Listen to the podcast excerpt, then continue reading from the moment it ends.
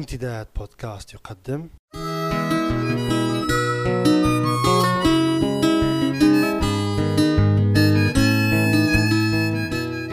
رسالة من لندن.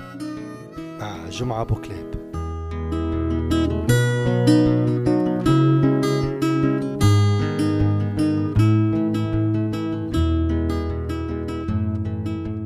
العادة جرت أن أبقى مع شقيقي الأصغر مني في البيت.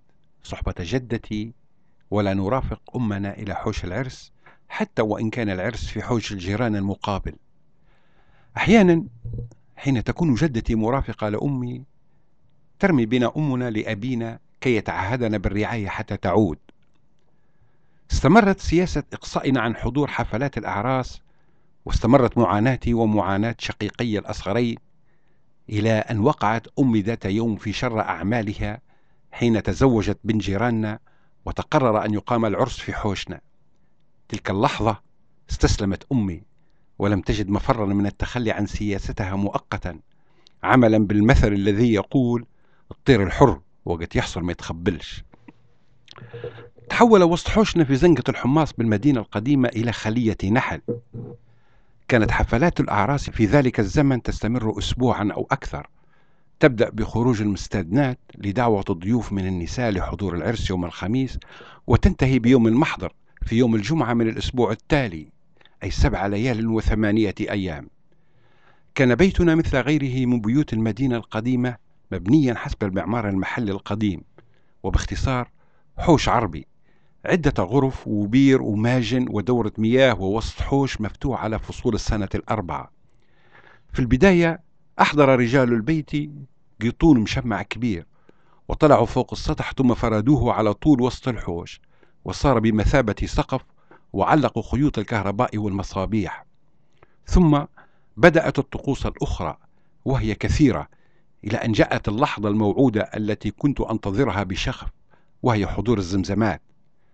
تم فرش وسط الحوش كله بالبسط والمنادير وتحول إلى صالة كبيرة بألوان زاهية وعديدة. جلست مع شقيقي الصغيرين بجانب أمي وجدتي قبالة الزمزمات. كانت المرة الأولى التي أحضر فيها عرسا مع أخوية والمرة الأولى التي نشاهد فيها الزمزمات.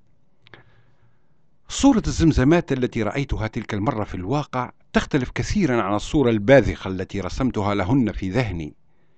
ما رأته عيناي الصغيرتان تلك اللحظة كان مشهدا غريبا تتصدره مجموعة عجائز سلمى الفيزقة ولطفية نفة وعيشة العمية جارتنا وسيدة أخرى لا تقل عن رفيقاتها قبحة. جلسنا على منادير في جهة واحدة من وسط الحوش وكأنهن على خشبة مسرح. وعلى الجانب المقابل لهن صفت عدة كراسي جلست عليها نسوة أطلق عليهن اسم الصدارات. وهن سيدات من مختلف الأعمار وأغلبهن من المتزوجات حديثا. وكلهن مدنشات بالذهب والحلي ويرتدين أردية حريرية فخمة وفي الجهات الأخرى وخلف الصدارات جلست بقية النسوة والأولاد. كانت الزمزمات جالسات في حالة استرخاء يدخن السجائر ويشربن نبيذا أحمر. عيني عينك. الأمر الذي أدهشني حد الرعب لأنني لم أرى حتى ذلك الوقت امرأة تدخن أو تحتسي الخمر. ولعلمي أيضا أن التدخين وشرب الخمر ليس من خلق السيدات الفاضلات وأمامهن وضعت أوان كبيرة مليئة بالفول والحمص والسمنسة والكاكاوية المحمصة يبيعونها لكل من يريد من الحاضرات. كانت السيدة التي لا أعرفها منهن تضع في حجرها طبلة في حين أن الثلاث الأخريات كن يضعن طارات على الأرض وكلما دخلت صدارة كنا يستقبلنها بطقات من الطبلة والطارات. دم دم تك دم تك دم دم تك دم تك. ولا يفعلن الشيء نفسه مع الضيفات الأخريات.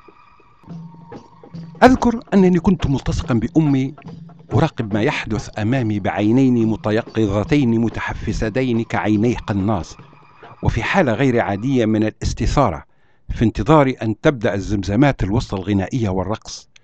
إلا أن فترة الانتظار طالت حتى كنت أصاب بالأعياء وتبين لي فيما بعد من خلال ما كان يصل أذني من أحاديث النسوة من حولي أن الزمزمات لا يبدأن وصلتهن إلا بعد أن تسر الخمر في عروقهن وتصل رؤوسهن. ويبدو لي الآن وفي تفسير لما كان يحدث أمامي آنذاك أن الخمر التي كنا يحتسينها كانت من النوع الرديء لأن وصولها إلى رؤوسهن استغرق وقتا طويلا جدا.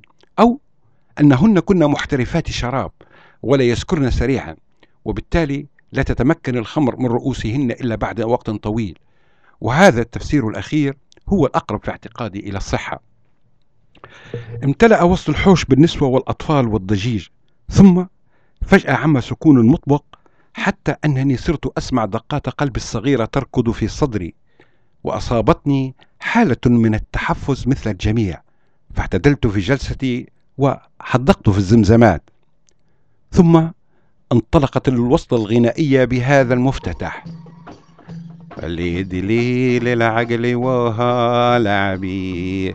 صلى الله عليه وعلي دليل العقل وها لعبي. وصلى الله عليه. كنا يغنين بأصوات مسترخية هادئة مصحوبة بإيقاع الطبلة ودقات الطار وكأنهن في عالم آخر لا علاقة له بما حولهن. وكلما انتهينا من مقطع تقوم بقية النسوة بترديد المفتتح وكأنهن مجموعة صوتية جمعت عضواتها على عجل دون الحاجة إلى تدريب لأنهن خبرن اللحن من كثرة ترديده في أعراس سابقة. ما زال ذلك الصوت الرخيم المسترخي وشبه المخمور يدوزن في ذاكرتي وما زال ذلك المشهد القديم ينبض حيا في قلبي وكأني أراه أمامي الآن. كحسرتي على سنوات عمري التي اغتصبت عنوة مني وتعفنت في رطوبة السجون أو كحرقتي على زمن ولا مغلف بالسذاجة والأحجبة والحسن الحسين.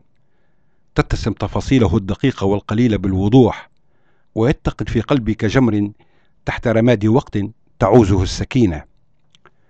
وأعترف أن انشدادي الوجداني للماضي في هذه الفترة الحرجة من عمري والذي تبدى جليا للمستمعين من خلال حلقات هذا البرنامج ليس مبعثه الحنين لذلك الماضي الفقير والبائس بل هو أقرب ما يكون إلى نوع من الإحساس بخوف غريزي من النهاية المرعبة التي أراها قادمة لرحلتي في الدنيا والتي بدأت أحس بها تقترب وإيدا في بعض الأحيان وبخطوات أسرع في أحيان أخرى. هذا الإحساس حفزني إلى الحفر في ذاكرة العتيقة بيدين مرتعشتين على أمل العثور على الولد النحيل الذي كنته إذ ربما يتعرف علي الآن ويدلني على الطريق إلي قبل أن تمح العلامات أو أتحول أنا إلى غيمة رمادية وحيدة تائهة في سماء صحراء من رمال وأسئلة وحسرات. وحتى نلتقي مجددا. علي دليل العقل ولا بيه وصلى الله عليه.